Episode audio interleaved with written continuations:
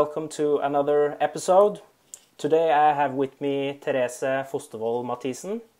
Hi Therese. Hi there. How are you doing today? I'm fine, thank you. How are you? I'm fine, thank you. Uh, thank you so much for agreeing to do this interview on eating disorders and athletes. Yeah, it will be interesting. Yeah, it probably will.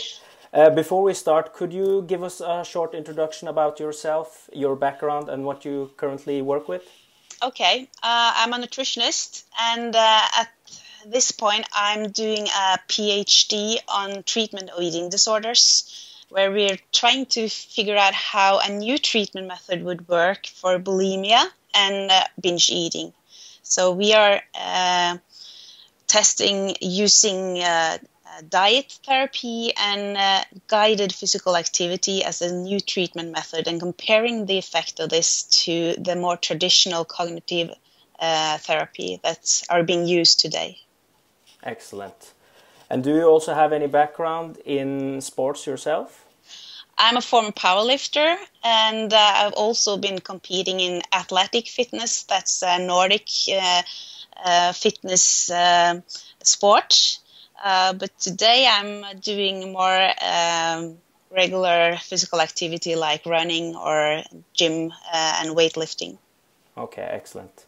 And you, if I don't, um, I remember you did actually quite well in both powerlifting and in athletic fitness.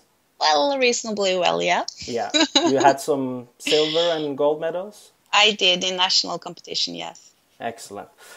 Okay, let's. Um, let's dive into the questions. And um, first question is Do we have any numbers approximately of how many athletes that suffer from eating disorders and what type of eating disorders that are typical among athletes?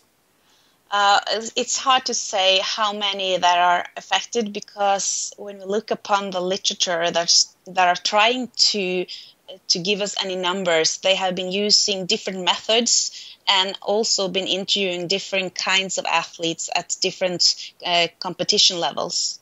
So it's hard to give you an exact number, but uh, we, you could say that somewhere between 20% and up to 70% of the athletes will have symptoms of eating disorders or also a diagnostic uh, eating disorder. And that will be um, relevant to, with the high numbers that will be relevant for those uh, sports where you are uh, striving for thinness and leanness. And uh, a, a, less um, complicated uh, situation for those sports where leanness or body weight do not affect your um, performance that much. Okay excellent. And what are the typical disorders that you usually find among athletes well, um, you would see restrictive eating and also negative thoughts about your uh, body, your weight, your figure, your appearance. It's hard to say whether they are more anorectic or more bulimic uh, in behavior, but most of them are eating well. Uh, but uh, you could call them mm, anorectic because they're not eating that much as they should have been done doing uh, according to their energy needs. Uh, so I'd say that you would find both anorectic uh, behavior and also the bulimic behavior. And I should uh, say that when we're talking about bulimic behavior, most people are thinking about vomiting as uh, one of the symptoms of having bulimia, but also uh, pathologic levels of training where you are doing more training than your sport would demand from you. So, more training than necessary is also a bulimic behavior. Okay, excellent. Uh, any sports where, in particular where you see a higher incidence of eating disorders? Uh, that will depend on whether you're talking about females or males, because when it comes to females, you typically see uh, more affected in sports that strive for leanness and thinness, like gymnastics and dancers and divers and that sort of sports. When it mm-hmm. comes to males, you will see more affected in the weight related sports uh, that could be boxing or uh, self defense sports and, and that category of sports. Yeah, sports where they have weight classes Yeah. and weights. Yeah. Okay, excellent. Um, so why does it seem that athletes are more prone to um, to develop eating disorders and especially females? You mentioned a bit about um, strive for leanness and the energy cost of the exercise itself. You might say that athletes are more prone to eating disorders because they know that uh, having a lower weight would probably make them uh, achieve better in their sport. And uh, of course, they are living in the same society as the others of us do. So they still have the, the impact from the society where we're told that we should be leaner and thinner because that looks better. So uh, there are two forces affecting them the sport related one and the society related one. Okay. And we often when we hear about um, eating disorders among athletes, uh, we hear we hear about the female athlete triad, but it's more, become more common to talk about um, relative energy defi- uh, deficiency, Deficiency, in sport. Yeah. Um, in 1980s, we were uh, we were having this concept where uh, the female athlete triad be- became more popular to talk about. And the American College of Sport Medicine are still using that concept when they're trying to explain how eating disorders affect performance and health in sport. So it's uh, trying to explain how low energy availability will affect your hormonal system, being a female having lower estrogen levels or being a male having lower testosterone levels. And that both the lower levels of hormones and the low energy availability will negatively affect your bone mineral density. So you might end up with osteoporosis at a very young age, and also being an athlete would, which most people would uh, think of being very healthy. So that is uh, the whole concept of a female athlete triad, and uh, more more people are also talking about uh, the athlete triad to to make uh, males also be aware of their chances of having negative health effects of low energy availability.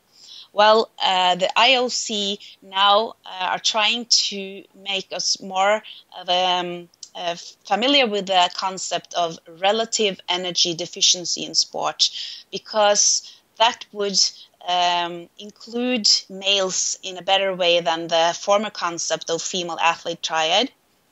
Uh, and it will also uh, make us more aware of the whole um, the whole picture where you have more health negative health effects than only the bone mineral density and also a whole range of negative effects on performance related variables if you do not have enough energy available uh, for your health and, and performance so I think most people should be aware of this new concept, relative energy deficiency in sport, and uh, pay attention to all the negative effects, both relating to health and to performance. Yeah, yeah, because I think that um, I think that a lot of people, when they think about eating disorders.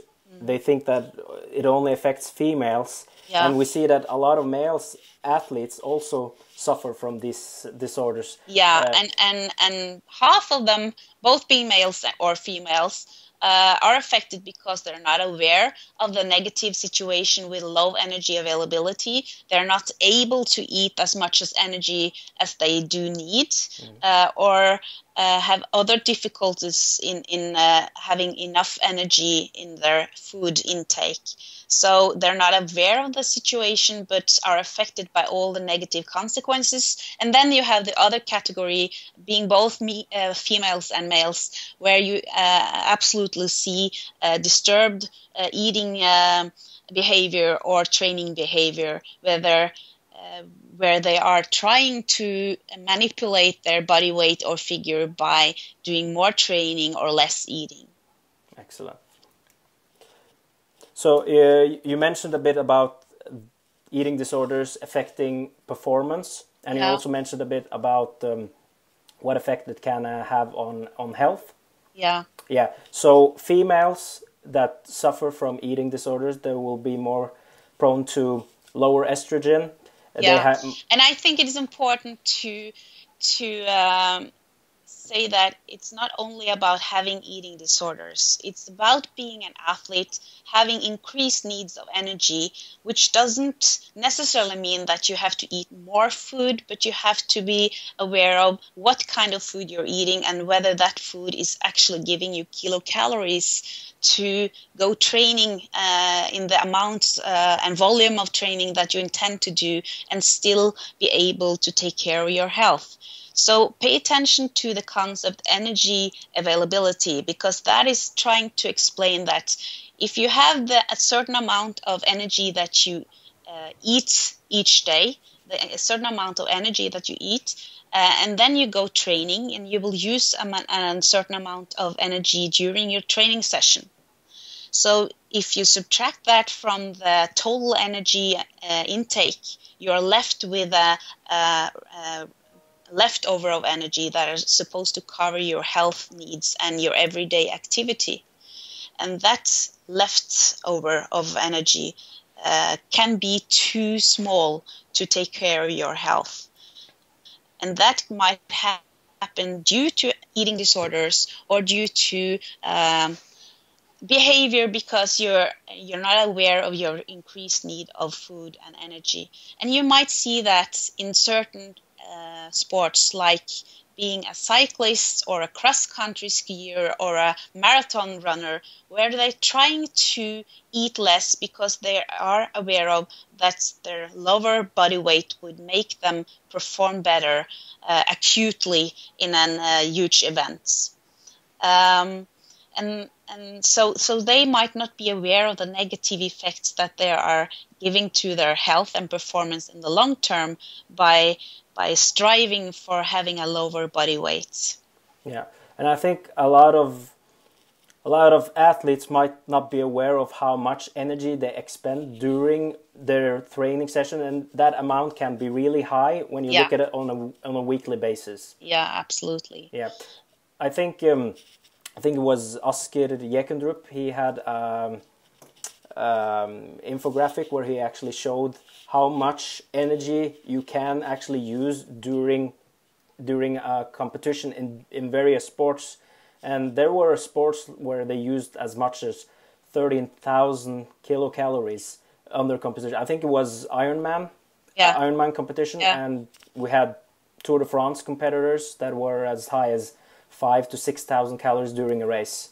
So, if you and it's at... becoming increasingly popular to to compete in those kind of events like triathlon and and uh, marathon running and more people want to do that even though not being an a competitive athlete yeah. so they should absolutely be aware of their increased energy needs and I also see uh, negative uh, trends in in uh, fitness sports, fitness related sports, where they are very focused on eating healthy uh, and and doing uh, a lot of training. And by eating healthy, most are thinking of eating lean meat and also have a, a high volume of vegetables. And you would feel comfortable and full after a meal with that sort of um, uh, foods, but still it only gives you a fullness effect, but not giving you the kilocalories that you actually do need to do your training. So they might go on for uh, long periods of time with too little energy available for their body and still feeling full because they're eating a lot of, of food and doing too much training compared to the energy intake.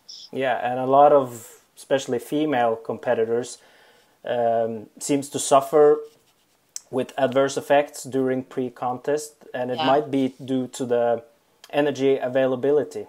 Yeah, uh, and I think that uh, it will be. Um, it would take a lot of time for me to explain the whole uh, effect for a female going on an extreme diet, mm-hmm. losing uh, a lot of body f- uh, fat to to compete, uh, where their um, being judged on their appearance and, and muscularity because females biologically should uh, carry a lot of uh, body fat to to be healthy.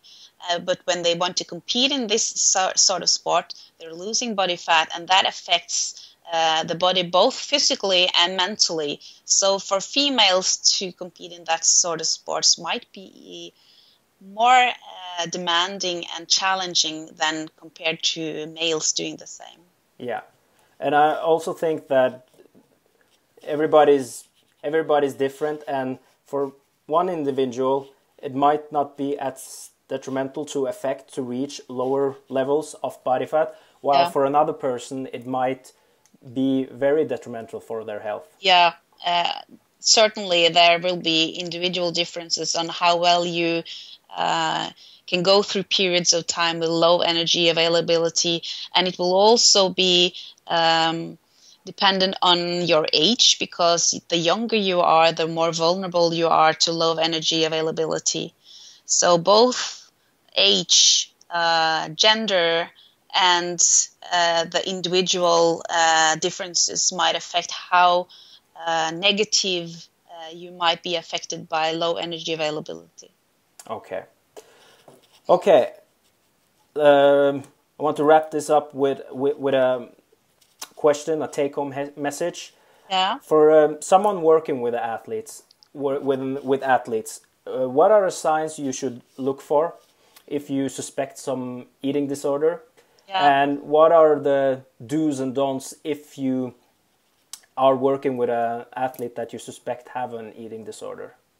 I want to start with the last uh, question. What what should you do? What should you do not do? Mm-hmm. And I think the worst thing you do is to focus on body weight and figure.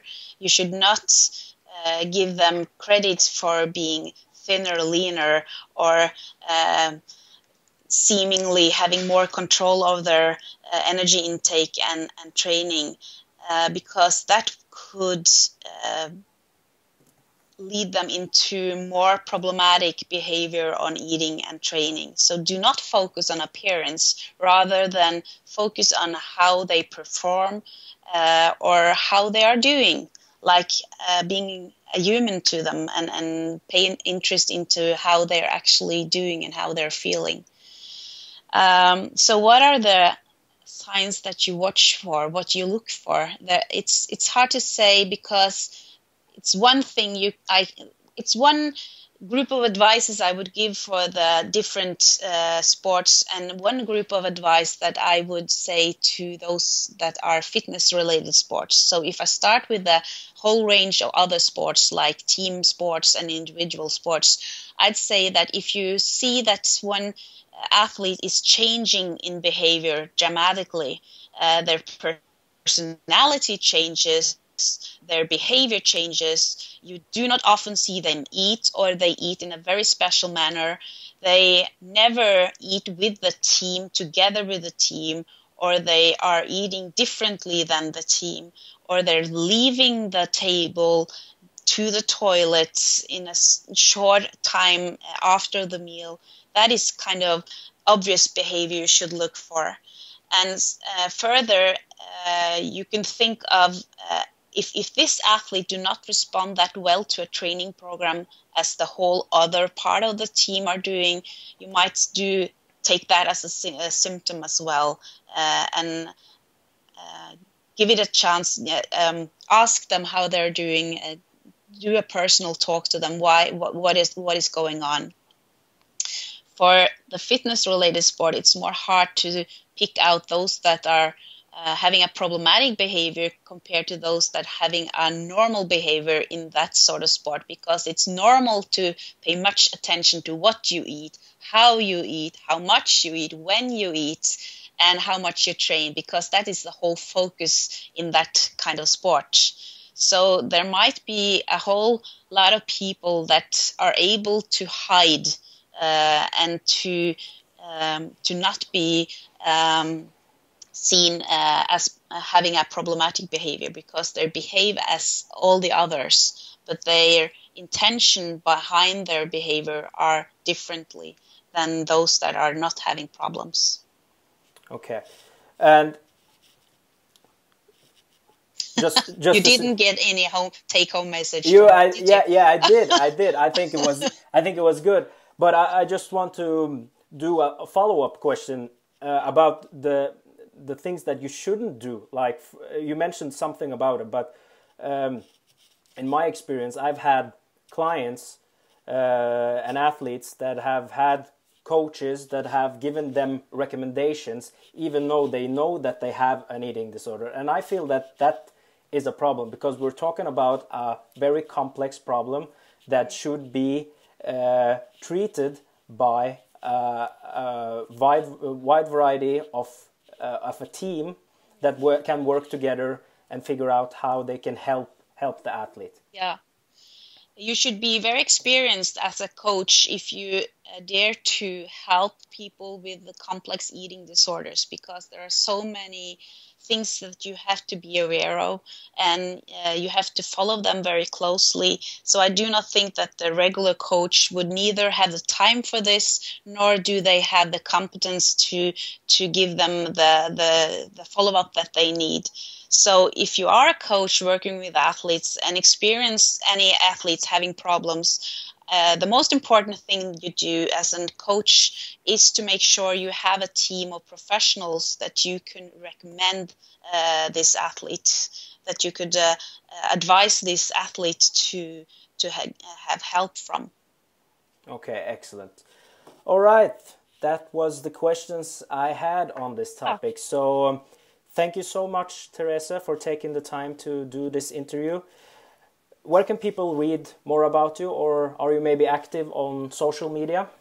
You'll find me on Twitter, uh, and I'm trying to to talk about just as much as sport nutrition as uh, eating disorders or treatment of eating disorders in sport.